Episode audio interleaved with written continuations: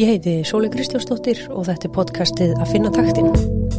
Þema þessar serju er breytingaskeið Kvenna. Þessi þáttur er tekin upp í Nóa Sirius stúdiói podcast stöðvarnar. Við erum að halda áfram að tala um breytingaskeiði því það er heitasta og skemmtilegasta umræðefnið í dag og vonandi bara, bara lengst inn í framtíðina sem að konur og menn tala um breytingaskeið eins og bara hvern annan hlut, jólinn, páskarnir, breytingarskeiðið og á mótið mér sittu kona í dag sem að er að fara örgla að, að tala, já ég ætla ekki að segja henni hvað hún á að tala um svo sem, en ég ætla að bjóða henni að kynna sig, hún heitir Áslug Kristjánsdóttir og hver er konan? Já, ég, meit, ég var að mynda að hugsa um þetta, hvernig kynni ég mig? Og ég ætlaði að mynda að byrja á þessu. Ég er kannski mitt, í þessu hérna núna ég er kona ég er mamma og ég er dóttir og tengdadóttir og eiginkona þú veist og það eru kannski svona hlutverkin sem að skipta mig mestum áli í lífinu. Svo er vinnan mín. Mm.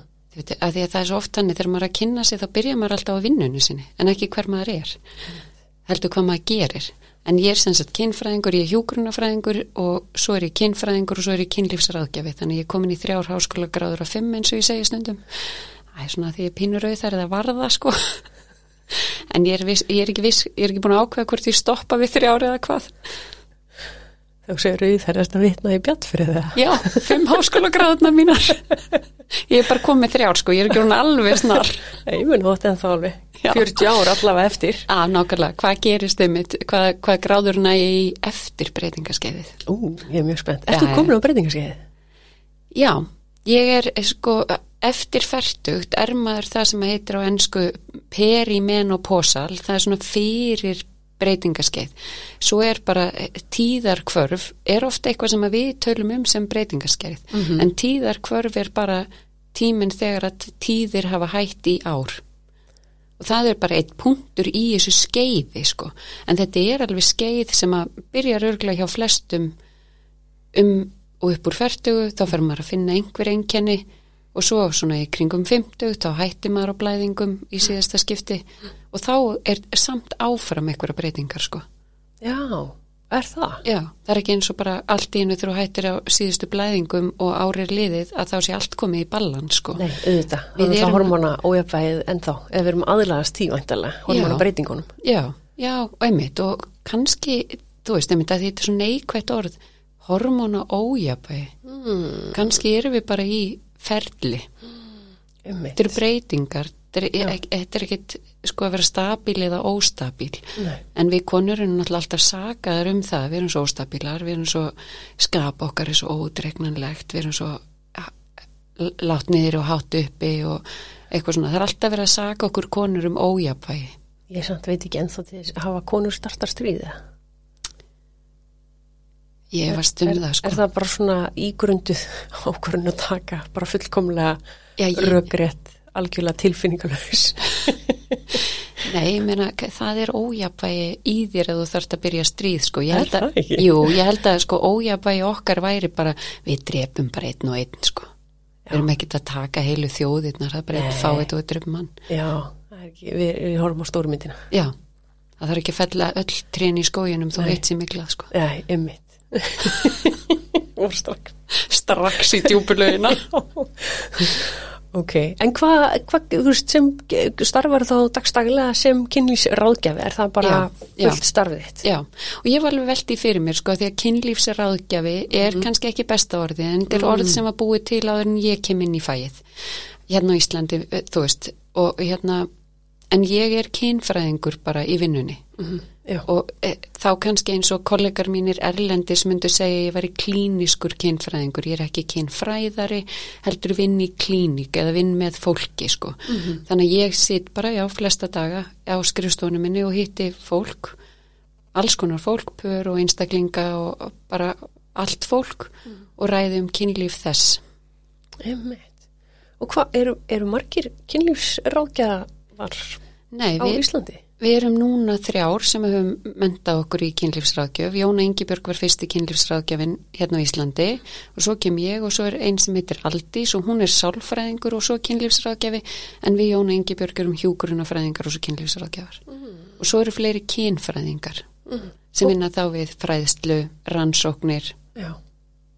Og hvað, og hvað, þú veist, hvað kemur til? Eða, veist, hvað letið inn á þessa braut? Sko, inn á náttúrulega heimasíðina, þá stendur að þetta sé ykkur ástriða sem hafi byrjað hjá þér bara þegar þú varst ung. Já, ég held að ég hafi, sko, ég veit ekki, þetta er bara sagan sem ég bý til um það hver ég er og af hverju ég er eins og ég er, mína réttlætingar, sko. Ég held bara, ég hafi alltaf verið rosalega áhuga sem um fólk, ég hef alltaf hort á fólk og skoðað fólk og njóstnað um fólk og svona, maður ánlega ekki viðkennda. Ég hef alltaf verið líka rosalega upptekinn á ástinni og ég bara, ég held þetta að sé uppeldi mitt, ég segja það stundum svona í gríni sko, ég minna afi minn átti átjón börn, kom hann, hvað heldur ég fara að vinna við? Þannig að ég held þetta að sé bara, ég hef bara alltaf haft áhuga á fólki, ég menna svo fer ég að læra hjúgrunafræði, ég valdi að vísa að læra hjúgrunafræði til þess að geta orðið kynlífsráðgjafi. Ég er alveg það svona, hérna, skipulagður einstaklingur. Ó, það er alveg, en, en ég meina veintalega þegar þú ert þarna unga árum, Já, þá, þá ég meina, hvað hva hugmyndir varst þú með um hvað kynlífsráðgjafar gera? Ég veit það ekki alveg sko. Að því ég ákveði þetta eitthvað tímann sko bara í gagfræðaskóla. Þá fatta ég að þetta sé hægt og ég man ekki hvaðan kveikjan kemur. Af hverju ég veit allt í hennu sem úlingur á þessum tíma líka sem að var ekki talað um kynlíf, ekkert kannski frekar en mikið meira núna. Ég veit ekki af hverju þessi hugmynd kom upp að ég ætlaði að verða þetta en ég ákveði þetta eitthvað tíman þarna á úlingsárunum og ég held líka bara, ég hafði bara sjúklegan áhuga á kynlífi, þú veist, ég var ekkert eitthvað endilega alltaf að stunda það en mér fannst bara líka, og það var ekkert sjúklegt, það er kannski, er ekki rétt hjá mér, ég hafði bara mikinn áhuga á kynlífi. Og ég hef mikinn áhuga á því hvað fólk gerir og þú veist, hva, hvað finnst þessum og hinum eðlilegt og gott og eitthvað svona. E, já, að það. Já, Og, og var það þannig, þú veist, að þú varst að horfa klám svona með, með hérna glósubókina? Nei, örglega ekki sko, en náttúrulega þegar ég er úlingur að þá kemur, þá byrjar stöð tvö að sína hérna danskar klámyndir klukkan 11 á föstudagskvöldum og ég man alveg eftir því og þannig er ég kannski 14 árið eitthvað að hafa beðið eftir því að horfa á þetta sko, viss alveg ég mátti þetta ekki sko, ég menna ég er líka bara svo kynsluð sem að sko, ef ég ætlaði að horfa klám þegar ég var krakki þá var ég að finna eitthvað starf vídeospólur Einmitt. Þetta var ekkit á internetinu, það var ekkit internet til. Þú veist, jú, það var til í útlöndum en það var ekki komið og var alls ekki orðið eitthvað hérna, almennt á heimilum eða eitthvað svoleiðis þegar ég er krakki, sko. Og þetta eru tölvunur til þess að geta fundið klám á internetinu. Ég er bara ekki eins og við sem að hafi verið klám á internetinu. Það var bara á spólum, þú veist, og svo fannst mér bara áhugavert, þú veist, hver var skotin í hverjum og fannst gaman að vita þegar einhver hafi farið í sleik í fyrsta skipti og eitthvað svona. Er bara, þetta hefur bara fyllt mér og ég hef bara alltaf haldið að þið hins séu líka svona. Svo bara þegar ég verð fullorðin þá fatta ég eitthvað, ha, eru þið ekki að hugsa um þetta? Nú, áhugavert. Hvað eru þið að hugsa um? Hvað eru þið þá að hugsa um emmitt? Ha, en hvað? En þú sérði eitthvað, ertu þá ekki að pæli því eitthvað svona hvernig þess og hins sé að stunda kynlíf? Nei, aldrei. Ég eitthvað, nú. Hm. Þannig að þú sér hjón með bann, Já, er það alveg, þau hafa stunda kynlíf. Hvernig kynlíf ætli það, það hafi verið? já, en svo er nefnilega líka, sko, bjútið í dag er náttúrulega að það er ekki all börn búin til úr kynlífi. Heldur betur. Þannig að þá er ég, þú veist, ég, ég get ekki eins og gefið mér það lengur en ég hef oft hleyið af óléttum konum inn í mér og hugsa bara, ég veit hvað þú varst að gera. Já, sérst utan að það er langa leik. Já, þú ert brennið með þert. Einmitt. Já, en ég hugsaði mér hérna hvað hva móti verður okkur.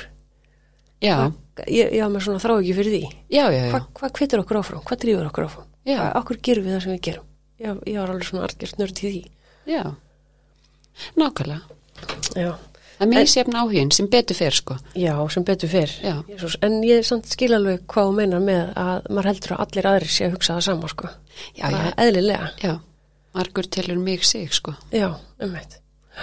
En hvað hérna, uh, þegar þú ert í, má ég spyrja þess nánar út í kynlífsráðgjöfuna og starfið Já. og að því við ætlum svona, þú veist, mér langar svolítið að tala við þig um kynlíf á breytingaskeiði Já, og, og kannski bara, þú veist, bara kynlíf almennt. Ég meina, eh, einhvers þar sá ég að ef fólk lifir góðu kynlífi fyrir breytingaskeið þá er mjög líklegt að það sé halda áfram að fara að lifa góðu kynlífi á og eftir breytingaskeið. Já.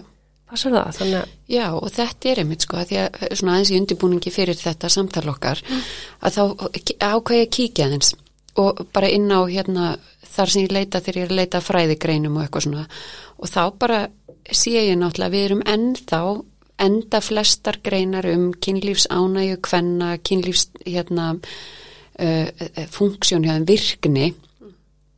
Hvenna á breytingaskeiði, fyrir breytingaskeiði eftir og eitthvað svona að við erum ennþá it's inconcisive þannig að við vitum ekki ennþá, við erum ekki með nægar upplýsingar um konur og virknið er í kynlífi, ánæðið er af kynlífinu, við erum ekkit komin með sterkan þarna fræði grunn og flesta rannsóknunar, ég var flettis upp bara núna rétt fyrir viðtalið sko, flesta rannsóknunar eru frá 2000 til 2009, það er ekkit mikið nýra. og, og hvað er þá vísindalega er ekki staðfest hvort að konur hvað, njóti kynlífs eða hvernig þeir eru að gera það? Já, eða á, já í, tengslum við, tengslum við breytingaskeið þá vitum við bara rosa lítið um áhuga okkar á kynlífi, tíðni kynlífs og ánægju af kynlífi. Okay. Þetta eru svona góðir mælikvarðar í rannsóknum, þetta eru ekkit góðir mælikvarðar á kynlíf, en þegar þú ætlar að rannsaka okkur, þá verður að hafa eitthvað sem er svona meira já og nei, heldur en eitthvað svona loðin tilfinning, það er svo erfitt að búa þá til eitthvað niðurstöður, sko. Já, já, einhverja hýpu þessu. Já, en það er eiginlega alltaf niðurstaðan þetta. Já, við erum bara viss. Hjá einhverjum konum virðist þetta hafa neikvæð áhrif á kynheilsu þeirra, hjá einhverjum konum óbreytt og hjá einhverjum konum jákvæð áhrif. Þannig í rauninni, kannski núna fyrir þetta samtal, þá fyrir við bara að tappa inn í þína reynslu. Já, Er það ekki? jú, reynsla af vinnunni og bara líka það sem það er rannsóknir sem þó eru til hafa sagt okkur. Og svo er svo áhugavert þegar það er verið að gera rannsóknir á einhverju svona bara öllu heilbriði oft sko að þá er almennt verið að tala við fólk sem er að leita sér þjónustu út af því að það er eitthvað að. Mm, við eigum svo lítið af upplýsingum um almenning. Já, sem er ekkert að og Já. er þar leðandi ekkert að leita sér Já. aðstóðar. Já, og ég þarf ofta að minna mig á þetta þegar ég ætla að fara að alheifa eitthvað út frá minni vinnu og mínum skjólstæðingum í gegnum ári tíin rúma sem ég unni við þetta. Þá þarf ég að minna mig á það. Nei, Áslög, þú getur ekkert sagt að þetta sé almenningur. En er það þá þannig að uh, það, það fólki er bara að leita til þín uh, og leita ráðgjafar þegar það er komið í þrótt? Þú veist, eru einhverju sem eru kannski bara, uh, okkur langar bara til að bæta, okkur langar til að undirbúku betur, Mm okkur langar til að fá meiri út úr uh, samvistum okkar. Já, sagan einhvern veginn í mínu starfi hefur verið, fyrst er þetta bara fólk sem er komið í þrótt og oft, og þetta er svona oft sagt í pararáðgjöf bara almennt sko, þú veist að fólk komi eftir síðasta söludag til okkar og vilja við hjálpum við að laga eitthvað sem er bara, það er bara búið sko, þú veist, þannig að fyrst í starfinu finnst mér þetta hafi verið fólk sem er alveg á barmi þróts Svo fer að koma fólk sem er eh, bara svona, það er búið að vera með vandamáli stittra og svo kannski núna síðustu þrjú, fjögur ár er fólk að koma í forvarnarskinni, sko. Það? Já, Já, og ég er er skila sér þessi umræða Ég held að það sko. Já. og ég alveg, þú veist, og það er náttúrulega bara allt, allt önnur vinna að vinna með fólki sem er komið til þess að gera betur heldur en fólki sem er komið í þrótt en af því hjúgrunafræðingur í grunninn að þá upplifið þetta ofta mitt, þú veist, já, þetta er náttúrulega bara stundum er ég í forverðnum og stundum er ég bara á bráðamóttökunni Einmitt. það er bara krísa í gangi og ég verð bara stökku inn og bara hjálpa þú veist Og, og hvernig, þú veist, hvernig er þetta að hjálpa fólki? Ég er að hjálpa bara með því að náttúrulega tala við fólk og tala um kynlíf eins og við eigum að tala um það sem fullorið fólk. Hvernig er að tala um kynlíf sem fullorðið fólk? Við höfum ekki verið dónaleg og við höfum ekki verið að gera svona einhverja, þú veist, maður á ekki að hérna svona já, grófur einhvern veginn, þú veist, þetta er ekki eitthvað svona tal, sko, maður á ekki heldur að vera að hlæja og fýblast og fara hjá sér en þetta gerum við alltaf því við erum bara alveg nuffið þetta, ætlar að tala um kynlíf þá ertu annarkvort að segja einhverja dónabrandara eða ganga of langt með einhverjum dónalegum kommentum þú veist, en við tölum aldrei um þetta sem fullari fólk, þetta er bara partur af okkur, þetta er partur af lífin okkar, þetta er partur af orkun okkar, þetta er partur af heilbriðin okkar, alveg saman hvað hendar þér í hvernig umræðu þú vilt hafa þetta sko. Og hann er bara eðlilegur eins og ég tala um bara að ég þarf að sinna hárin á mér eða ég þarf að sinna meldingunni, ég borða bara abimjólka að ég er að taka síklarleif, þú veist. Ég veit, ég er sjá fyrir mér svona scenario þar sem að ég bara heim eitthvað að busta tennar svo kallaði ég bara Karin, Karin hérna, eh, mér langar svo að fá það í kvöld. Er þú til í það?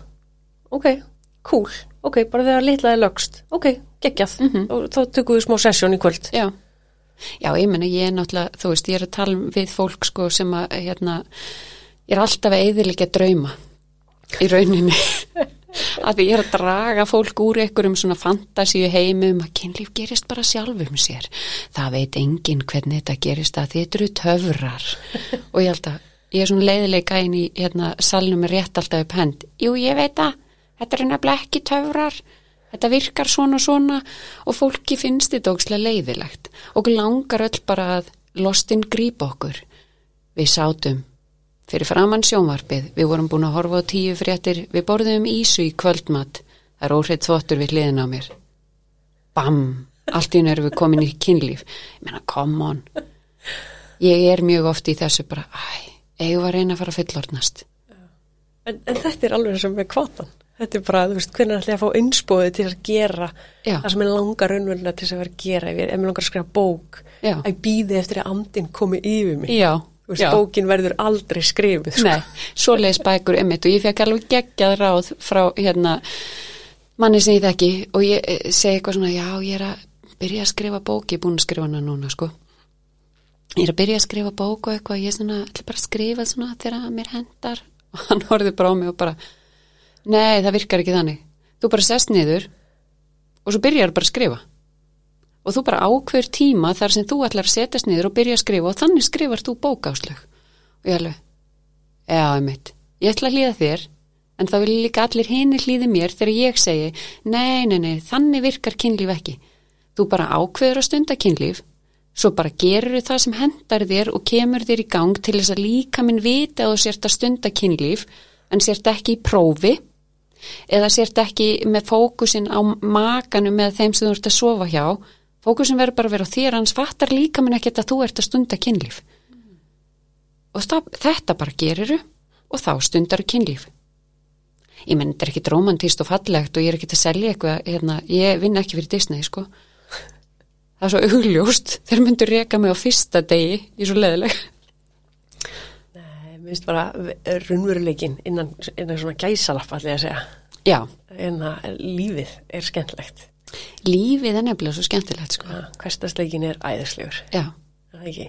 Jú, og ummitt, þetta scenario sem vorst að lýsa hérna uh, tíu fréttir í sann á henni þvotturinn og svo bara horfur á makaðin og bara er klukkunar um tíu uh, hvort er yfir, ef ekki bara slökk á sjórfunu og uh, farin að því við um klukktíma sem Já. voru búin að bóka já, í kynlíf. Já. Alright, let's do it, ég ætla að tampast um mig fyrst. Geggjað, mm og ég meina allar rannsóknunar segja þetta fólkið sem stundar kynlíf er ekki graða fólkið það er ekki hefna fólkið sem fættist brókslega grætt sko, þú veist. Það er bara fólkið sem ákveður það. Það er fólkið sem leggur á sig þetta effort sem er svo gott orð en ég veit ekki alveg hvað ég á að segja það sé á íslensku en ég, þetta er svona að leggja á sig. Að ég vil ekki segja að kynlíf eða sambönd séu vinna þetta er það ekki sko en þetta er að leggja á sig Já, maður er aðeins að hafa fyrir þessu. Það er að hafa fyrir þessu og þú þarft að gera alls konar og eitthvað svona sko. En þetta er í rauninni, ég minna ef þú ætlar að uppskera þá þarfst að sá. Já, og, og ef þú ætlar að sá þá þarftu fyrst að komin til ógöngur að því ég er ekki bóndi eða, það ert að undirbúa jarðvegin sko. Já, ég þarf að undirbúa jarðvegi veistu hvað það heitir í minnivinnu Nei, daður, viðreynslur sem leiði ekki alltaf til þess að ég þurfa að fara að stunda kynlíf heldur að verta aðeins að klípi mig og hvað hendar hverjum skiliru eða sendu mér skilaboð eða þú veist, strjúktu mér eða eitthvað svona, þetta er undirbúið jarðvegin svo, fæ, svo kemur kynlíf setna og ef við gerum þetta ekki þá þýðir ekkert að byrja bara að undirbúið jarðvegin og að sá um leið sko, nei, einmitt og, og uppskera. Já, einmitt Og hvað? Og finnst þér eins og að þetta sé eitthvað sem að óháði rauninni kannski aldrei já, uh, eigi við? Þannig að þú getur verið, þú veist, millir 20 og 30 og sambandið kynlífið komið í einhverja ógöngur já. og það er bara að vita þetta og kannski fljótar í gang eða hvað? Heldur en nei. eða úr millir 50 og 60? Ég held að jú við byrðumst þurfa örlíti meiri sko líkamlega örfun þegar við eldumst. Mm Tauga kerfið í okkur róast aðeins, það verður hægara, þannig við erum líka kannski örlíti hægari í gang í kynlífi. Þannig að kannski einhver sem hefur aldrei þurft neinar snertingar og kynfæri getur bara stokki beint í samfærir af því að til dæmis bara rís er bara reddi og þá bara fer maður að stað sko getur oft þegar þú verður eldri sérstaklega með rísið sko þú veist það þarf aðeins meira það þarf bara allt í nú fara að koma við tippið á þér og þá færðu rís en það þurft aldrei þegar ég var yngri þetta er svona alveg algengt að maður heyri sko en ég held að alla æfir að glíma við þessa löngun sko og hún virðist vera algjörlega óháð kyni sambandsformi kynneigð, kynáttun, kynvitund, allt þetta. Við erum öll í vandræðu með það. Hvað er þetta kynlöngun? Einmitt. Hvað er þetta kynlöngun? Þetta er bara löngun. Þið langar bara í eitthvað og hvað gerir þið þegar þið langar í eitthvað? Þá eftir, sækistu eftir því sko. Því meira sem þú hugsar um kynlíf, því meira gerir af því, því meira sem þú gerir af því, því meira hugsar af því. Þetta er svona jákvæð feedback lúpa. Þannig að ef að þú finnur að löngunin er engin þá er rosa gott að byrja bara að hugsa um það, pæli því hvað myndi þið langa, ef þú væri að fara að kynlu hvað myndi þið langa að vera að gera hvað kveikir á þessari orku innra með þér, hvað lykt finnur þið sem að kveikir á, ú já uh, hvað sérðu hvað heyriru þú veist, tónlist og lykt er eitthvað sem að kveikir svo rosalega minningakerfin okkar Þannig að nota það, hvað myndur þú tengja við, hvað, í, hvað þegar þú hefur eitthvað tímann stund af kynlíf og það var gott og þú fegst eitthvað út úr því og þér leið vel, hvað lykt var þarna? Getur þú náðið þessa lykt? Hvað tónlist var þarna?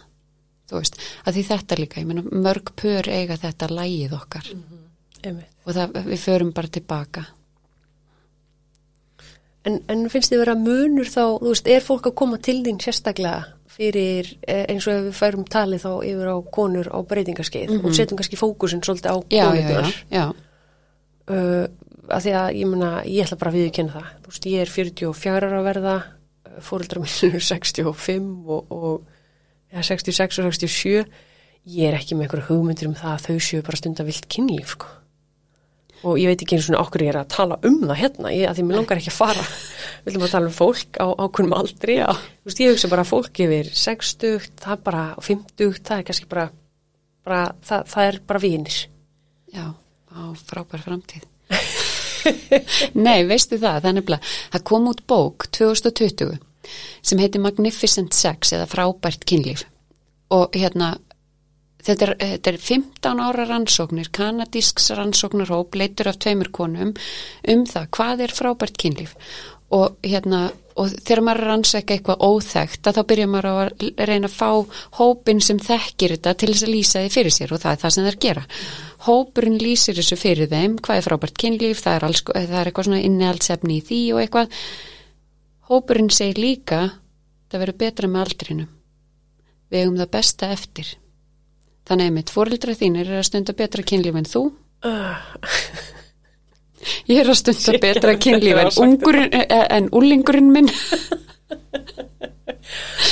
Já, Já. því maður er að gera það og maður er betri ef maður veit frekar hvað maður veit Já. alveg svo með bara fattastílum hans Já. er það ekki? Jú, og bara með allt, það er svo gott með aldrei kemur svo mikil sjálfstekking að því maður er búin að fá að dvelja svo lengi í hilkinu sínu, þú veist, og kynnast þess og skilja sig og maður er alltaf sjá munstrið betur, hver er ég og hvað vil ég og eitthvað svona, sko þú veist, það er alveg ástæða fyrir því að við breytumst oft líka á breytingaskeiði, við verðum örugari konur, við vitum meira hvað við viljum, við þórum meira að standa upp og segja eitthvað, þú veist, við erum hugrakkari. Er það? Ert þú að sjá þetta? Já. Hve- Hvernig, hvar, hvernig er þetta að sjá þetta? bara við einhvern veginn allan kannski mín kynsluð af því að við vorum ekkit aldar upp eins og stelpunar í dag eru aldar uppi miklu meira hugrekki heldur en ég var þú veist þannig að ég sé það alveg að við erum að verða einhvern veginn hugrekkar og þórum að segja meira og eitthvað. Veit ekki hvernig það verður með stelpunar sem eru kannski um tvítugt núna. Eru þær kannski bara fljótari? Við erum alltaf að batna, mannkinn er alltaf að batna. Ég trúi bara við sem erum hér á þessari jörðu núna í, í, í þessari tegund erum betri heldur en uh, forverarnir sko. Börnin mín eru betri en ég. Einmitt. til að lefa mér að segja að ég er þá betri en mamma og pappi Já, ummitt. Nei, ég held sér alveg rétt hjá þér. Við erum, þú veist, aðstæðar okkar í dag eru, eru miklu betri heldur en það voru. Já, og við erum, ég menna við erum alltaf í þróun, við erum dýr í þróun, sko. Þannig að ég held þetta og kannski ég mitt, það verður ótrúlega gaman og ég vona að ég fá að heyra það, gangu konunar í dag segja um breytingarskeiði þegar það verður þeirra tími, mm -hmm. hvernig verður það ólíkt okkar samtali, sko. Mm -hmm. En þú ert, hvað, 47? 45. 45 ára? Já, takk fyrir alltaf bæta á mig ára. Já, heyrðu þú. Já, shit. ok, og er, þú, þú ert á breytingarskeiðinu. Já.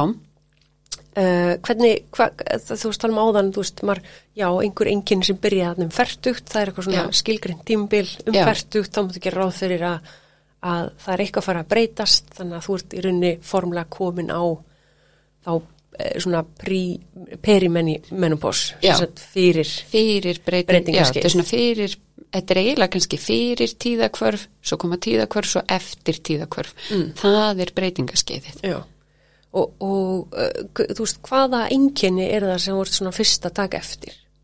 Og hvaða enginn er þú kannski, myndur þú segja að konur ætti að vera vakandi fyrir? Já, ég held einmitt og ég veit ekki hvort að ég er típisk eða ekki sko en konur almennt finna fyrir svefnin eh, verður grinnri við vöknum fyrir mótnana er, er, bara svefn almennt verður erfiðari fyrir mjög margar sumar konur fari gegnum þetta og finna fyrir litlu aðrar vilja veriðast einhvern veginn tikka í höllbóksin og fá allt svo er náttúrulega kannski svona þekktasta og einkennið er þessi hýta og svita kóf sko verða allt í núkslega heitt og eitthvað pyrringur, skapsveiflur uh, vera döpur eitthvað svona, þetta er allt mjög neikvætt oft eh, svona sínt í fjölmiðlum eða í bíómyndum og eitthvað svona sko, þú veist. Mm, já, þetta er langur listi sko. Uh, auknar þvagfærasíkingar þurkur í leggöngum það verður náttúrulega sko þetta er bara öldrunar skeið í rauninni sko. Að því að við það að við missum estrogen magnið okkar þá erum við að missa ungleikan á vissan hátt sko. Þetta er bara eins og allt í lífinu er þetta undirbúningur fyrir dauðan svo ég bara fara alla leið sko. Allt í lífinu. Æ, menn allt í lífinu við, við fæðumst og deyjum. Þetta er bara þannig sko. Þannig að maður finnur líka og það verður þú veist, við verðum hrukkóttari af því að bara vefir líkamanns hrörna. Það verður minni fylling í öllu sama á við um píkuna. Það verður svona hérna rýrnun á vefjum í píkunni og leggöngunum sem veldur því að skapa barmar oft minka og hérna leggöngin verða hérna minna tegjanleg blotna minna og þá skiptir máli sko. Og í þessu er alltaf talað um þetta svona í rannsóknunum sko á konum á breytingaskeið og eftir breytingaskeið. Use it or lose it. Píkun á þér Já, það, Já. þetta haldinni við þú þarft að haldinni við. Þannig þú þarft að auka blóðflæði og það er mjög gott að gera það með sjálfsfrón eða kynlífi að auka blóðflæði niður í hérna, grindarbotnin sko. Getur náttúrulega gert grindarbotnsæfingar og ég mæli líka með því sko. En svona notum fleiri neina aðferð en einmitt að, að stunda sjálfsfrón stunda kynlíf er mjög gott fyrir bara píku heilsuna í kringum og eftir breytingaskeið að því ef við gerum það ekki þá bara mingar blóðflæðið þarna og lélegt blóðflæði er ekki gott fyrir vefi. Og það ykkur þá kannski líkur á ymitt, eins og stalmaðan, þá þvakkfæri sýkingar jafnvel og, og alls konar vesen bara. Já, og þær gerast líka alveg bara, þú veist, það er partur af þessu fyrir mjög margar konur að fá allt í auknar þvagfærasíkingar og það er bara því að það er meiri þurrkur og þá geta, þú veist, bakteríunar koma svona, ég sé þetta svona fyrir mér sko, þær koma svona á það, í kringum þvagrásar opið eða eitthvað og ef það er þurrt þá geta lappað upp sko að því veggurinn er þurr en ef það er mikið bleita að þá renna þær bara út Ymmit. Þannig að þær hafa greiðar aðganga því að það er þurr stíi. Svo erfitt að vera í brekku sem er blöyt. Ok, þetta var mjög, mjög góð svona myndlíking.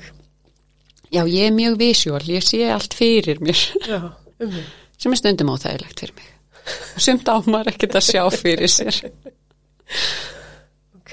En hvað eru, þú veist, er, eru við þá að tala um að konur eigi að líka horfa til þess að vera, finna sér eitthvað, eitthvað gott sleipöfni sem þeim líður vel með að nota?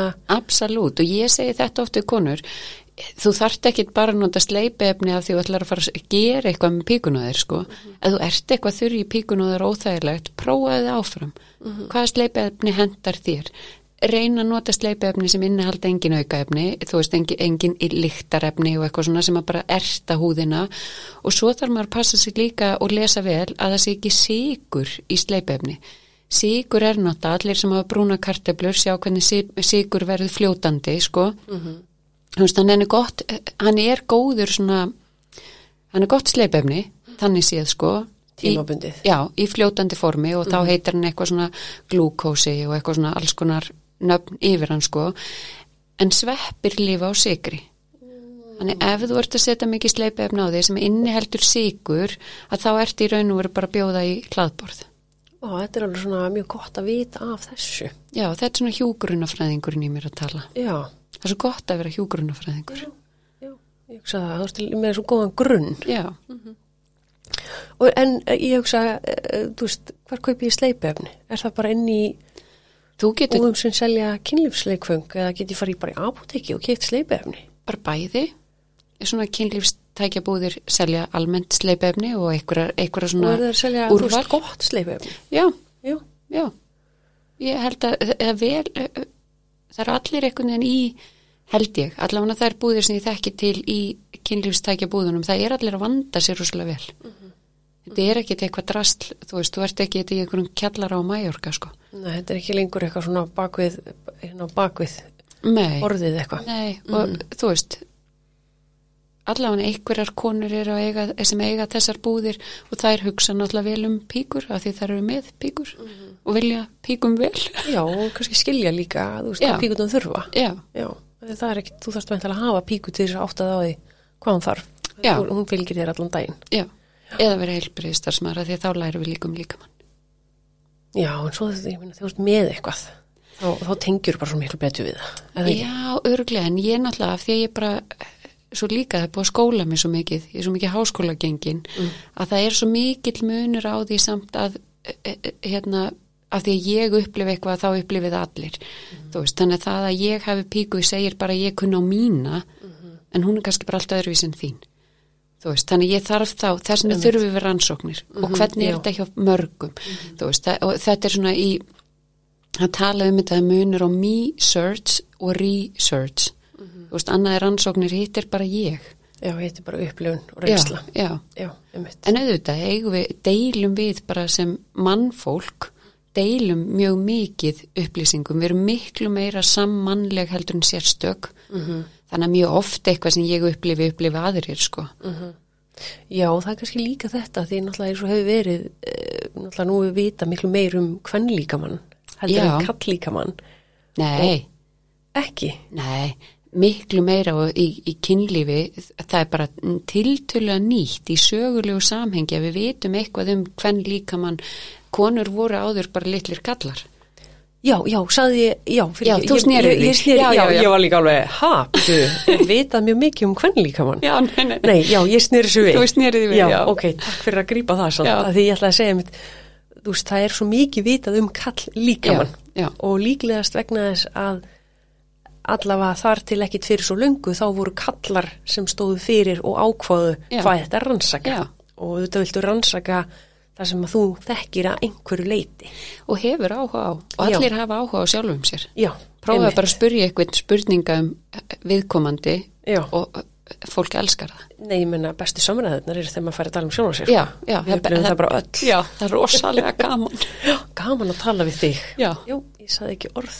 einmitt þú veist ekkert um mig núna Nei. gott, Já, ummitt. Og, og það var það sem ég var að hugsa með, sko, uh, konur sé að selja þá vörur fyrir konur. Já. Að þar kemur áhugi já, á, veist, Að finna eitthvað sem hendar þá vel fyrir konur. já, velja góðar vörur fyrir konur sko, en maður getur keift sleipefni sko bara í líka bara í helsubúðum eða í maturubúðum Mhm. það heitir bara möndluolja ræjódýrt, miða við sleipefni. Möndluolja er er sagt, ekki hörð fita, þannig hún er alltaf eh, fljótandi, sko. Þetta var það sem ég heyrði kannski fyrst þegar ég er að koma inn sem kynfræðingur, sko, að þá eru dönsku kynfræðingarnir alltaf að tala bara um þetta. Já, já, ekkert vera flækita, notaði bara möndluoljuna. En eina sko, eða þú ert að nota smokka, það máttu ekki nota olíu með smoknum að því að tærir hann. Það er svona ákveðna sleipefna reglur til.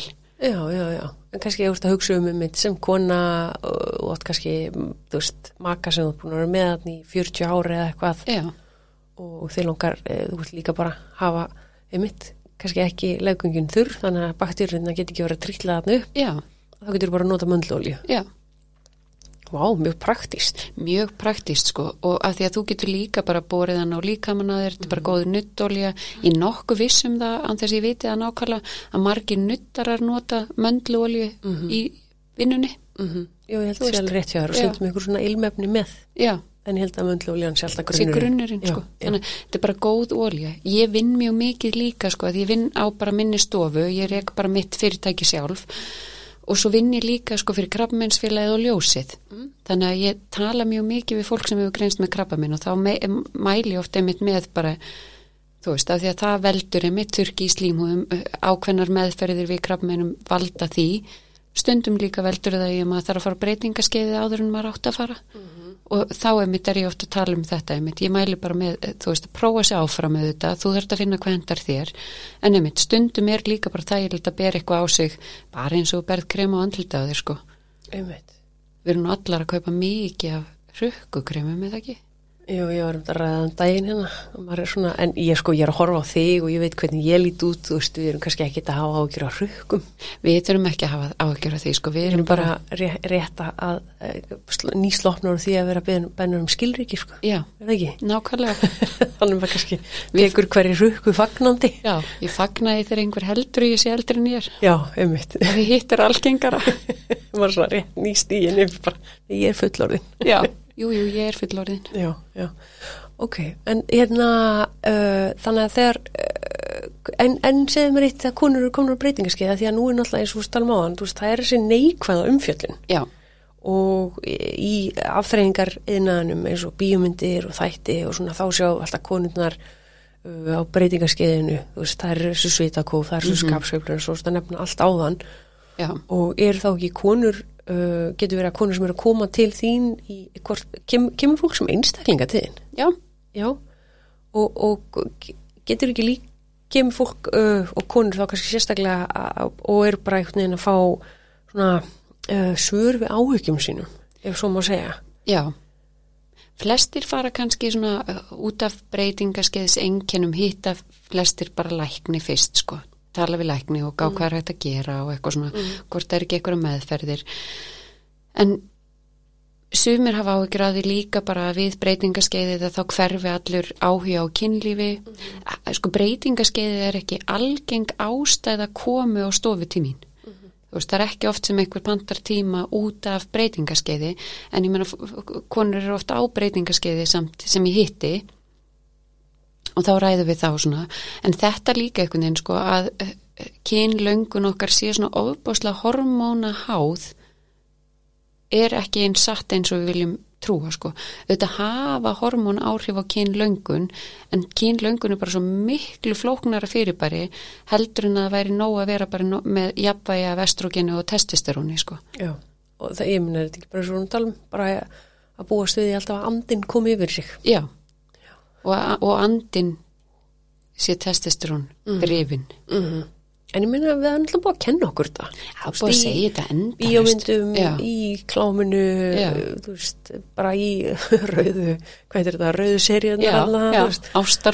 Já, Já. það er alltaf einhvern veginn bara svona súpaðinn, það er engin undirbúningur, Já. það er ekkit verið að spurja um hérna samþyggi, þetta er allt bara svona, já, blöytir draumar. ég er bara svo léleg væntingastjórnun sko og svo erum við öll eitthvað bara í langtíma samböndum sem að kjósum að gera það eitthvað bara fyrir verulegum vombriðum.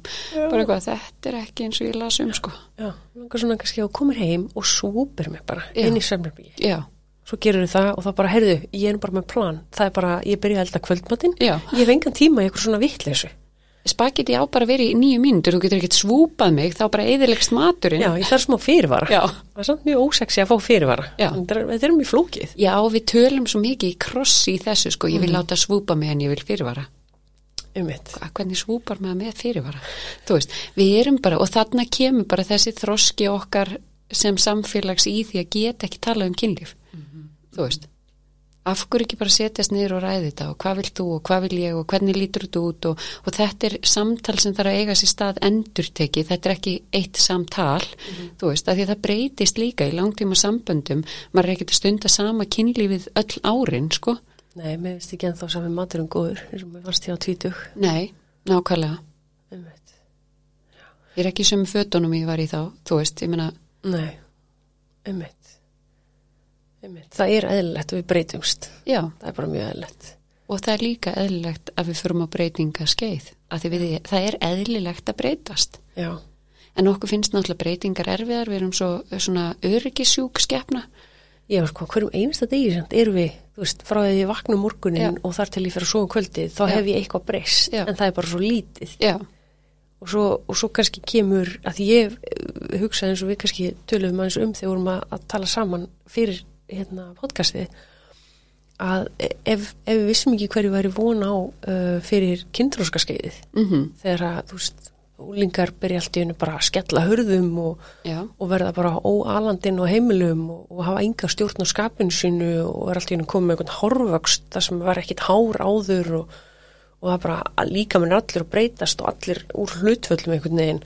Ef við vissum ekki hvað væri í gangi já, hvernig leiði manni og hvernig leiði samfélagið? Þú veist, Já. það væri ekki bara að loka fólk inni yfir þessi ár? Jú, svo bara þegar þú væri svona fann að samsvaraði nokkuð vel hættur að, að taka skapafsköst þá getur þú komið aftur út í sín samfélagið. Já, En að því að við vitum hvað þetta er, þá erum við til í að sína svo skilning og mæta. Já. Og auðvitað ætti að vera sama með breytingaskeið. Já, ég meina þetta er bara annað kynþroska skeið. Mhm. Við förum í gegnum nokkur kynþroska skeið á æfinni, en við tölum bara um eitt. Já, en það er kannski, ég, ég hef allavega að upplefa sjálf þegar hugsa um þetta sko, þú veist, hvað hva tölum við um uh, um þetta sé að gerast og ég hef aldrei hugsað það eins og þú ert að segja núna sem annað kynþroska skeið. Já, þannig er rauninni, þú ert að fara, uh, þú ert fróðsuminn mingar já, og þannig ert að missa eitthvað. Höfum svolítið fókusera á það kannski sem samfélag, það er eitthvað missir. Kona getur ekki lengur hérna, af sér bann en í rauninni er þetta bara annað kyn, kynþróska skeið og maður hugsaði þannig? Já og, og bara frelsunin. Af hverju tölum við ekki um það bara, vá, það er svo rosalega frábært að ég get ekki egnast fleiri börn. Já. Að því líka barnegnir okkar hafa haldið okkur líka í gíslingu. Ég einmitt, meina, eh, byltingin sem verður þegar kemur getnaðvarnapilla. einmitt, já, og við getum allt í einu farið að stunda óvarðar sam, samfarir eins og okkur langar Mhm. án þess að hangi alltaf yfir okkur þú getur ólétt, einmitt, hvað varst að gera þú getur ólétt einmitt þannig að svo bara þegar þú ert búin með blæðingar þínar og það er engin fleiri egg þetta er bara, þetta er komið þetta er líka það verið að losa mann úr einhverju prísund eins og bara barnæskan er erfið og úlingsárin eru eh, frelsið yfir í næsta skeið að vera, hafa meiri þroska í framheilanum og eh, vera sjálfstæðari og þú veist, en við tölum svo oft um missi í breytingum í staðin fyrir um, sko gróðan í breytingum. Yes, tölum um gróðan í breytingunum Já, það er svo mikil gróði í þessum breytingum held ég sko. Ég menn allavega mjög augljós gróði fyrir flestar konur eða flest fólk sem hefur haft blæðingar. Það er geggjað að hætta að vera með blæðingar. og ég get ekki beðið eftir því. Menn að hugsa þetta, þú ert að fara í sumafrí og þú ert að fara á sólaströnd og þú þurft að velta í fyrir þér hvort þú byrjar á blæðingum þarna úti að því að það er svo leiðilt að vera í bikini á blæðingum eða sundból og eitthvað svona. Þegar maður hefur ekki blæðingar, þá bara pælir maður ekki í þessu maður bara panta sér frí og er bara mjög rólegur. Já, og fyrir utan sko ég er allavega eina af þeim sem fæ mikla verki með blæðingunum, þannig að fyrstu tvo-þrjá dagana þá þarf ég að gera ráð fyrir að taka verkjalif og þegar maður tekur verkjalif þá hefur það áhrif á meldinguna. Já, og hérna og svo, einmitt maður þarf að vera vakandi það blæði kannski mjög mikið já, og það maður að fylgjast með þannig að það blæði ekki í gegn. Já vera með auka buksur með sér í vinnunni að því að gæti Já. vart blætt í gegn og það er svo vandræðalegt einmitt, þú veist, einmitt. Og vera með byrðirna líka því ég meni Já. eftir að ferast til útland og kannski á framandi slóðum eru byrðir. Hvað hva er nóg? Já.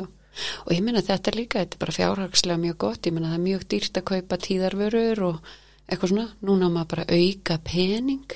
Þetta er svona eins og að hætta að reykja bara. Er allt í hennu fyllt af pening. Ég er þetta kipti fyrir lungu hérna byggarinn já, og svo á ég fullt af túrunarbuxum já, elska það sko, já lifehack Já, og það er lifehack sem er bara nýtt. Já, Þú veist, þetta, er, ekki- þetta hefur ekki verið alltaf svona, sko. nei, það er bara nokkur ára lifehack já, sko. já. já, En þetta, þú veist, e- ef við myndum fókusera meira á þetta og bara Mhm. þennan kannski andlega þroska sem við göngum í gegnum, einmitt af hverju konan á, e- þið prófa sko bara setja inn í leitarvélina e, tíðarkvörf og svo myndir, þá er alltaf gráhært kona sem situr í öngum sínum og rúnstoknum og heldur um andliti á sér og horfir niður bara. Af hverju er þetta ekki bara kona sem er hoppandi um og bara ógeðslega ána með líkamann sinn? Loksins er ég hún sátt við hennan líkama sem ég fekk. já, einmitt. En þú veist að tala um hérna einmitt, aukið sjálfsörgi einmitt meiri bara veljan, þekkja líka með sem betur, þekkja sjálfan sem betur þetta er svona fókus sem að er ekkert mjög algengur Nei, veistu, ég velti í stundum fyrir mér hvort að jákvæðinni selji bara ekki. Já, við, e- erum, við erum bara skeppna sem viljum einhverjar þjáningar. Nei, þetta er endur alveg rétt þegar þú segir þetta svona því að það er sko eh, 2000 þá var stopnuð innan sálfræðinar jákvæða sálfræði, Já, sérstu grein Já. sem að til að setja fókus á hvað, hvað enginni fólk sem er hamingisamt, mm Mhm. hvað áhrif hefur það Já.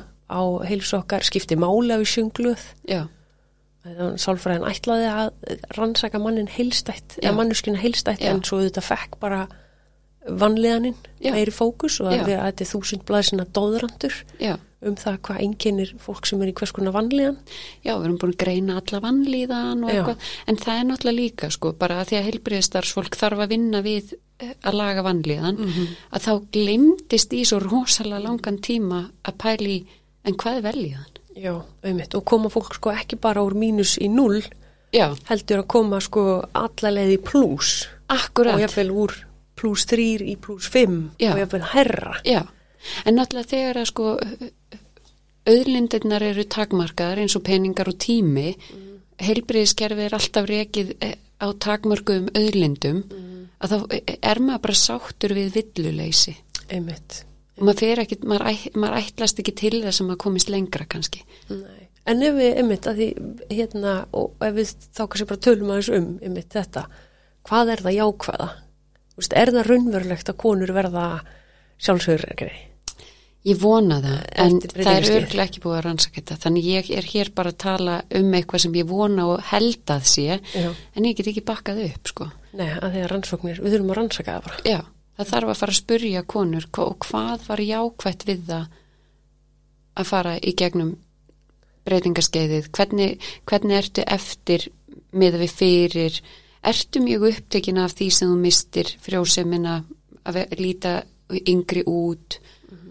Eða ertu mjög fegin að það er búið? Einmitt. og auðvitað er þetta, þetta er bara líka ein- eins og allt, þetta er bæði. Við missum eitthvað og við græðum eitthvað. Mhm. Svo er það bara hvar allar, hvar allar að láta balansin lenda sko. Já, og það er kannski líka í eins og samfélaginu sem við búum í, þá er rosa mikil, mikil svona æsku dýrkun náttúrulega. já, Þannig að það að þú hættir á blæðingar, það er raun bara staðfesting. Núna ertu bara komin úr hóp uh, þeirra kvenna sem að, geta getið af sér börn. Þannig að þú er bara komin á efri árin. já Það er bara þannig. það er komið á setni hálfleik Já, og það er bara, það er ekki þetta að semja neitt um það. nei, það er ekki tægt að semja um það en ég menna, er ekki fullt af leikjum unnir í setni hálfleik? Heldur betur, sko. Og ég meina, ég tek alveg undir þín orð með þetta, úst, og ég hugsa líka, ég meina, þú ert búin að lifa ákveð lengi, já, þú ert 50, þú ert allavega 30, eppil 40 ár eftir, mm ef þú ert búin að leggja góðan grunn, já, ert við líkanlega og andlega góða heilsu, þá er þessi setni hluti að fara að vera bara fýtt fyrir þig. Já, og plúsa og kemur inn með alla reynsluna og þekkinguna sem er mögulega orðin bara einhvers konar viska já, sem hún getur nýttir. Þannig þarft ekki að vera að eyða tíma að hafa ágjur á hlutum sem ágjur af. Áhyggjur af. algjörlega já, og þú ert búin að stunda kynlífi í daldi mörg ár kannski vonandi. Er komið reynslubanka. Veist hvað vilt, veist Já. hvað fílar. Já, kannski bara hjálpatæki sem þú ert búin að læra á. Já, og ef þau deyja þá bara ferðu að kaupa ný þannig að þú veist hvað þú vilt. Þú veist alveg svo þú kaupir buksutnaðinnar þú veist alltaf hvað tegum þú vilt, Já. hvað stærð þú ert í. Þú veist þú þarfst ekki að vera að leita og máta allstaðar nei, mér þú þarfst ekki að fara í allar búðirnar og Nei. verð bara í þitt. Já, þú bara pantar bara líka við að netinu bara, já, þú veist bara hvað þú vilt. Og Já. hérna já, einmitt. Já, ég held að sé alveg ástæða til að setja meiri fókus á þetta já, ég held líka bara það er svo frelsandi af því að mitt í þessu uh, ungaði styrkunar uh, samfélagi þá er svo magna að geta sagt þú veist, nei, nei, það er bara fullt eftir inni sko. Meiri sig í kynlífi, það verður betra. Og þegar ég segi þetta við fólk að ég segi þetta oft, ég er ofta að peppa líka ég er, að, ég er líka vonberi Já. þú veist, ég er alltaf að að- að í ykkur von sko. Og þá er fólk ofta eitthvað, ha? Í alvöru já, það er bara rannsóknir sína þetta. Já, ha, ég hef bara aldrei heyrt þetta. Ég held að væri bara, maður væri alltaf að toppa um tvítugt, já ég held að væri bara 35 allt eftir 35 er niður við. Já, bara allt ræðilegt mm og bara lengur að ná það er auka kílóin lengur að ná upp einhverju þóli Já, og kannski bara einmitt, lengur en aðeir auka kílónum að því að þá uh, verður betri að takast af við hungursniðina. mjög gott Já, ég er óþorlandi Pállíana. ég elska það. Já, einmitt. En ég segi það líka mjög oft, þú veist, ég fættist ekki svona, ég fættist ekki jákvæð, sko, við fæðum stöll með neikvæða slagsíðu í hugsunum, sko, maður þarf að hafa mikið fyrir þessu en ég er bara svo lánsum að ég kem að fólki sem hugsar svona. En ég læri það fyrir ekkert snemma að líta á björtiliðarnar. Að þetta er ekkit alltaf eitthvað auðvelt og það er bara allt í lægi og já, já, ég minna sólinn kemur alltaf upp aftur sko Já, já. Þú veist, blóminn lifna við aftur Já. og það verður aftur sumar og sól og allt já, þetta sko þannig að þetta, er, já, ég er alveg með það þar þetta er ekki gefið, maður fæðist ekki svona nei. við kannski fæðumst svona kannski þegar við erum bara unga börn Já, og við erum að vinna í því að láta það sinna okkur þá erum við, þá erum við svona sæt og skemmtileg sko. en ég held að það sé að því að þá föttu við ekki. Já, við vitum að því ekki. það er einhver annar sem sinnir survivalinu en ekki Já, við sjálf. nei, ummitt við, værum ekki eitthvað ja. en hérna e, eitt sem ég er búin að hugsa meðan við erum búin að tala e, hversu miklu máli skiptir það raunverulega að við séum að lifa góðu kynlífi er þetta, er bara svona veist, nice to have eða er þetta eitthvað sem að veist, eigur raunverulega lífsgæðin okkar Allt sem er næst og hef eigur lífsgæðin okkar. Já. Þannig þetta er náttúrulega, þetta eigur lífsgæðin okkar. Auðvitað er til fólk sem að hefur engan áhuga og svo vill ekki stunda kynlíf og það ber að virða. Það kemur engum öðrum við hvort þú stundar kynlíf nema þér. Þú veist, þannig að eh, sumir bara, og ég veit ekkit hvað það er, en þetta virðist vera, að, að, að við vitum það í dag, að sumir eru svona og það er allt í lægi. Það þýðir ekkit eitthvað, já bara, lífið þitt verður þá bara regning og slitta. Þú veist, alls ekki, þú finnur bara lífskeiðin annar staðar. En fyrir flest fólk þá skiptir kynlíf máli og ég held að almennt sé að þannig við stundum kynlíf til þess að tengjast að við viljum öll verið í tengslum. Númer tvö, við stundum kynlíf að því það er gaman. Við þurfum bara afþreyingu. Þetta er bara skemmtilegt. Þetta er næs. Það er gaman að leika sér og fýblast og en hvað, þannig að Netflix og sjónvarpið og draf kynlífi bara já. Eins og, eins og sjónvarpið drap útvarpið þá, þá er kynlíf í samkeppni við Netflix já, ummitt og því miður virðist að vera þannig að Netflix sé að vinna. Að því að yngra fólk í dag stundar minna kynlíf og þannig bara tíðni, svo sem ekkit gæði í þessum konunum sko, en eh, yngra fólk stundar minna kynlíf en foreldrar þeirra gerðu. Mín kynslu stundar líklegast minna kynlíf en kynslu foreldra minna sko. Þannig eh, kynlíf á í högg að sækja sko. En, en á sama tíma þá kannski er gæðin unnur og sérstaklega kannski fyrir konur.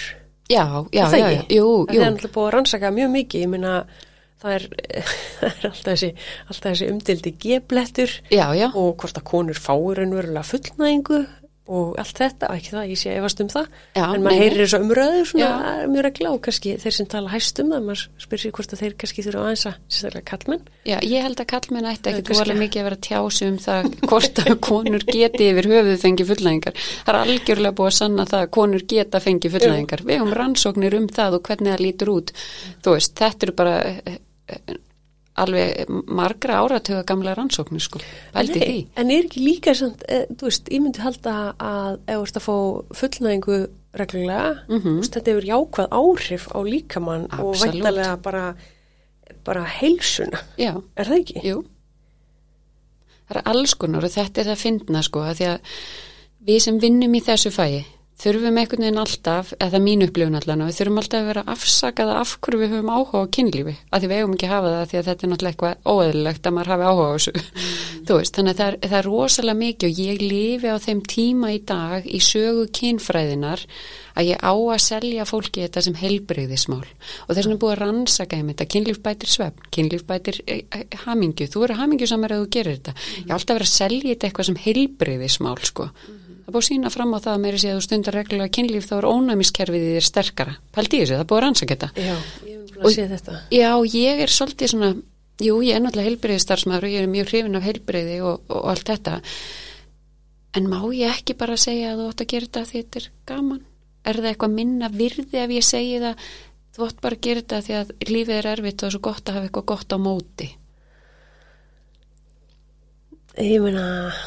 Mér langar það sko og þegar ég verð... langar að selja það bara þannig. Já, Og ég er náttúrulega heillast af þessari hugmynd með bara, það er bara svona, veist, þetta er bara heilsufarsmál. já, veist, það er bara stundaði kynlíf og, og, og mátt búast við því að bara almennt heilsufarðið, bara heildrænt verði betri. já og ég er bara komin í næsta skref og hverju skiptir það? Njóttu bara. Já, það, það sýnir sér að það skiptir alveg gríðarlega miklu máli. Já, en þú færði allan heilsufarslega ávinningin hvort þið er. Mér langar bara ekki að þurfa að selja þér þetta. Ég vinn alltaf ekki við að selja kynlíf þó ég vinni við það. Þú veist. Já, en þú, þú kannski einmitt að því að þú ert búin að skoða það svo lengi og þú veist þetta kannski bara no brainer. Já, og mér finnst mjög margt í kringum kynlíf nóg breynir og er stundum bara eitthvað, ha, byrju vissur þetta ekki?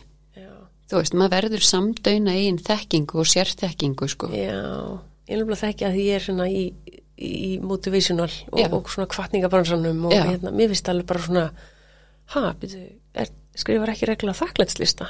Já, af hverju ekki? En, en byrju, heldur að, heldur að hamingjan komi fyrst og svo verður þakklátt? Já, Já, nei, það er bara risa miskilningur. Já. Þú vilt bara vera þakklátt fyrir það sem þú hefur já, og þannig verður hamingisum. já, En þú veist, þetta er alveg svona ákvæmt ég að skrifa þakklætslista. Ég hef ekki til að vera þakklátt fyrir.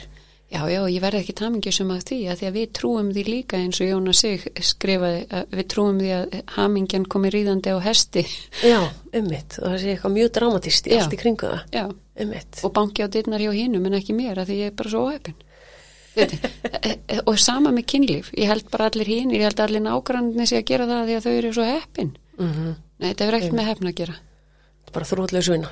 það er bara þrótlaus Nei. En væntalega ummitt, það þarf að vera áhugi begja aðila til þess að mæta hvort öðru Já, uh, hérna með opnum huga og vita stundum, stundum er kynlífi vandræðalegt, stundum já, þú veist, er það ekkit eitthvað að gegja stundum er það ekkit flugeldar stundum er það bara, þú veist, næs stundum er ekki eins og fullnæðingar já og ég held sko svona most of the time eða mestan tíman af kynlífi sem að stundar í langtíma samböndum þá er það bara svona, með það var bara næs, það var gott. Svo inn á milli koma að skipti Svo, þetta já, bara manns og það er þetta einmitt sko að því mest af kynlífinu sem við erum að stunda er til þess að viðhalda tengingunni. Og það er bara tenging er bara með næs, eitthvað svona. En hún er samt, ég minna að þetta er, er svona grundvallar já, þörf svo- sem já, við höfum. já, hún er svo mikilvæg sko. Já, en að leika sér er kannski ekki jafn mikilvægt en það er miklu skemmtilegra og það er frábæri kynlífi sem stundum stundum. Þegar við leggjum eitthvað ekstra á okkur þegar við erum að lesa eitthvað nýtt, við ætlum að prófa eitthvað nýtt þú veist, taka áhætturnar eitthvað svona sko. En nú er rannsóknir með þetta að leika sér er mjög, það er bara gríðarlega mikilvægt. Já, bara fyrir allt, bara fyrir eh, bara heilsuna, líkanlega tilbreyði fyrir nýsköpun Já. fyrir að staðin ekki já en ég held að þú getur ekki leikið eða þú ert ekki í tengslum. Þannig rétt. koma fyrst. Já, þú ert líka að borða fyrst. Já, þegar þú ert nú að leika þér. Já, Mhm. þegar þú ert úr hungri og veist ekki hvaða næsta máltíð kemur þá ert ekki að hugsa um kynlíf sko. Nei, einmitt, heilin virkar ekki þannig sko. Nei, einmitt. Þú verður að fylla grunnþórunum fyrst og svo getur þú bætt svo getur þú fara að gera lúksustarfinnar sem er kynlíf að leika sér að, Mhm. allt þetta sko En það er náttúrulega svona, ég meina það að upplifa öryggi er ekki endilega luxus Þetta er eitthvað sem getur verið bara, eh, Nei, það er, bara að lifa af. Já, og það er neðar líka sko. Já, á, á, á, á, þarfalistanum sko. Mhm, það kemur á undan. Já Það er, það er mjög, þetta er mjög svona stert í okkur. Við viljum tilheyra. Já, já, ef við, ef, við, ef við dettum út úr hópnum þá er, við getum náttúrulega bara drepist reynlega já og það er bara rosalega stert í okkur og Já. þess vegna er líka sko þetta er mjög áhugavert líka með það sko algengasta ástæðan fyrir því að fólk kemur í kynlífsráðgjöf er mismunir í löngun. Og, og ósætti um eitthvað tíðinni, eitthvað svona um hversu mikið þetta á að vera spennandi og skemmtilegt og eitthvað svona. Og sá sem að upplifir sem er meiri áhuga en hinn upplifir alltaf höfnun og það er mannskeppnunni svo stór hættulegt að upplifa höfnun einmitt af því að það í fyrndinni þýtti ykkur tíman ef þú dast út úr hópnum þá hérna bara Gastu ekki ekki lifað af. Og ef að enginn vil sofa hjá þér þá fara genin þín ekki áfram. Já, Og við- við maður hugsa, maður hugsa náttúrulega ekki þannig. Maður hugsa, þú ert náttúrulega ekki eitthvað hei, viltu koma að gera það? Nei, og hugsa Og maður er bara allir er að gera það Já. nema ég. Já, en svo er þetta einmitt að því að það er eitthvað við þess að höfnun, ef að makin vill ekki sofa hjá þér, svo höfnun er einhvern veginn öðruvís en önnur höfnun sem ég sé í vinnunni minni. Hún er einhvern veginn svo miklu dýbra, svo miklu sárari og þar er ég að því ég er hrifin af þróunarkenningum sko, þar er ég eitthvað, já, að því þetta hefur með að lifa af að gera. Já, Kynlíf hefur ekki með að lifa af að gera sko. Nei, En þessi tilfinning tengist þess, já, já, já. einmitt þessi nánd Já. sem þú ert að búa til, eh, þetta öryggi Já, en væntalega með þarna þeir eru saman í þessu. Þeir eru saman í að lifa af þetta líf já, ef svo má segja. Já. þannig mannskja sem ert búin að velja þér sem bandamann þinn já, og hún hefur ekki sama áhuga og þú. Já. hvað er næst? og þá færðu að velta þig fyrir þér. Pössu við saman. Já, erum við kannski ekki gott fitt einmitt. Ætti að vera í betri fytti annar staðar. Já, eðlilega. Almennt er það hins vegar það að löngunin er mjög svipuð hjá okkur flestum. Við erum bara misgóði að kveikjana á viðhaldinni og sinninni. Þannig að það er ekki, já, það er ekki það að þessir makar þarna þar sem annar er í höfnuninni og hinn einhvern veginn í a, þú ert að byggja um of mikið, þú ert of mikið það er bara eitthvað að þér. Kannski ertu bara fíkil í þetta þú veist, oft orðað. Þannig að það er ekki það að sé svo mikill munur á þessu fólki heldur bara þau eru með mismunandi leiðir að þessari orku. Kunna mismunandi leiðir að tólka þetta öðruvísi. Ég ætla að segja, er þetta ekki oft þá samskiptavandi? jú, ég held nú að lífið sé samskiptavandi sko. og, sam, og samskipti eru bara svo erfið að því að við erum alltaf með tilfinningar inn í samskiptum og eitthvað svona. Já. jú, og þarna líka bara, þetta er rosalega skrítið. Ég meina, fólk má bara byrja í sambandi en það ekki að hafa neitt leiðarvísi um það hvernig á að tala saman hvernig á að eiga samskipti líkamlega og yrt? Það er til handbækur um þetta sko. Við þetta skrítna fólk sem vinnum við þetta er búið að rannsaka þetta, ég kann þetta. Þess vegna er ég alltaf eini í hópnum að rétt upp hendina jú, ég veit þetta, En sko við gerum náttúrulega ráð fyrir, alveg svo gerum ráð fyrir að allir kunni að bann. já, Þá gerum við ráð fyrir bara, þú þú kant samskipti, já. þú ferð í, í, í pari og, og þú kant einhvern veginn að rækta og þetta vita hvernig hjónaband gengur mm, Já, um mitt. Já, ég meina svo eignast bann og þú hætt bara að kunna að Já. sinna þörfum bannsins já, og þörfum hvers annars nákvæmlega þegar banni kom inn í myndina líka. já. þetta er bara Þetta, er rosa flókið, þetta Þetta er miklu flóknara. já, og þetta er bara svo ótrúlega leiðileg trú að við eigum að kunna þetta Já, þetta er Nei, alltaf eitthvað Já. ef, ef þú heldur að fólk eigi að kunna þetta og þú, þú heldur þá að þú sérst eina mannskjan sem kann, kann þetta ekki. Já. og, og hvernig, við hvernig þú að tala? Já. við hvernig þú láta- þú deila þessu Já. að þú kannt ekki eitthvað Og eins og- og eins og við vorum að segja á þann við ætlum oft fólki þekkingu sem það hefur ekki. Já, þannig okkur er bara ætluð þessi þekking en við höfum hann ekki. Mhm, það er enginn búin að kenna okkur þetta. Nei, einmitt. Einmitt Heyrðu, við erum komin að hérna svona leiðalókum, Já, við erum bara rétt samt byrjar, bara, við erum bara aðeins að heitna, sko. já, Kannski er það líka að því að maður er að tala eins um hérna kynlíf og maður þarf svona smá aldraðanda, eða ég allavega. já. Ekki ég, Svona- að því ég gerir þetta alla dag, en já, almennt allir hinnir. Er það ekki? Jú. Það er svona smá svona, svolítið langur ingangur og, svo maður kannski að því sem að, þú veist, maður kannski hefur ekki lift sér almennilega bara að spyrja sér spurningar. Nei, Bara hver, hver, veist, en líka eins og við talum með bara möndlöðlja. mhm, Ég er bara eitthvað, já, þetta er bara svona einfalt. já, Hvað væri bara, bara almenn vittneskja fyrir Já. konur, bara, heyrðu þú ert komin, eða ert með þurrk í legangunum, notaði möndlöðli. já, prófa það. Það þér? það er bara óslega næs Já. og getur, það er bara ódýrt, já. Engin að spyrja sig, okkur ertu að köpa möndlöðli? Nei, nei, mitt, það er enginn að fara að horfa þig út í búð með möndlóli í og, og ef, ef ykkur spyr þá bara, já, ég er með hérna þurr legung.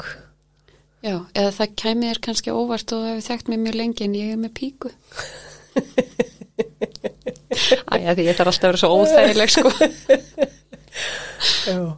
Hérna, uh, hvað er svona kannski uh, eitthvað eitt sem að þið finnst að, að konur ættu að vita sem eru komnar á breytingarskeiðið og, og mér, lang, mér langar alltaf að tala um sko á- á breytingarskeiðið, komnar yfir breytingarskeiðið, uh, hvað er eitthvað svona eitt sem að þið finnst að allar konur ættu að vita?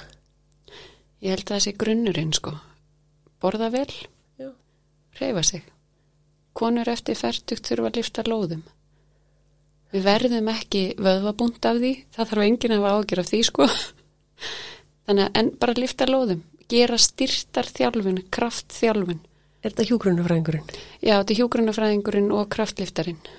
Ert þú í kraftleikningum? Já. Nei. Jú, trúir því bara enginn. en ég saði líka við þjálfarinn minn þegar ég byrjaði færtu að, að lifta lóðum.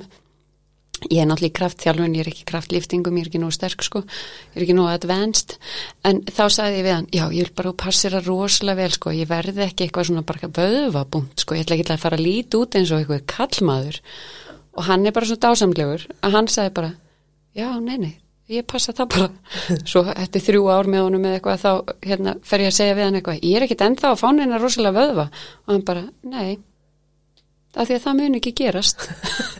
og ekki ég alveg, varst hlæja inn í þér þegar ég sagði þetta í fyrsta tímanum Já. og hann bara, jú, Það segir þetta allar konur. öruglega. en hann er bara svo rólegur og yndislegur, þannig að hann bara, hann, hann kann sitt. Já. En hvað? Og þetta er það sem kynlífsfræðingurinn myndi segja hvað? Lifta lóðum, Eða kynlífsráðgjæðin? já, Já, líka lifta lóðum. lifta lóðum. Akkur í? Af því það er búið að sína fram á þetta að reyfing er jákvæð fyrir kynlíf. Það reyfa sig og ef maður liftir lóðum þá eikst að einhverju leiti vöðvamassin á manni, ekki droslega hjá mér allavega, en hann eikst eitthvað. Og aukin vöðvamassi þýðir yfirleitt þá aðeins betri testosterón framleiðsla konur framlega líka testosterón sko, eins og kallar Þannig, og það er gott fyrir okkur, það er drif. Ok. Að bara, og líka minn fattar ekki heldur sko, ef þú ferri ræktina og ert orðin heit í líkamannum, þú veist hjarslátturinn er búin að aukast og blóðflæður er meira og svona, hann fattar ekkit hvort þetta er að þú varst að lifta eða hvort þú varst að gera þið tilbúna í kynlíf hann veit bara við erum byrjuð ú, þannig að hún getur bara að fara heim eftir ræktina og Já. bara, hei bebi. já, Ok. ógislega góð hugmynd á stefnumóti ef að fara í ræktina saman og fara svo í styrtu og Þannig að það er bara forleikur. jeps, Uh, lifehack. lifehack All right. Kekja. Herðu, takk áslög fyrir skemmtilegt spjall. takk sem gleðis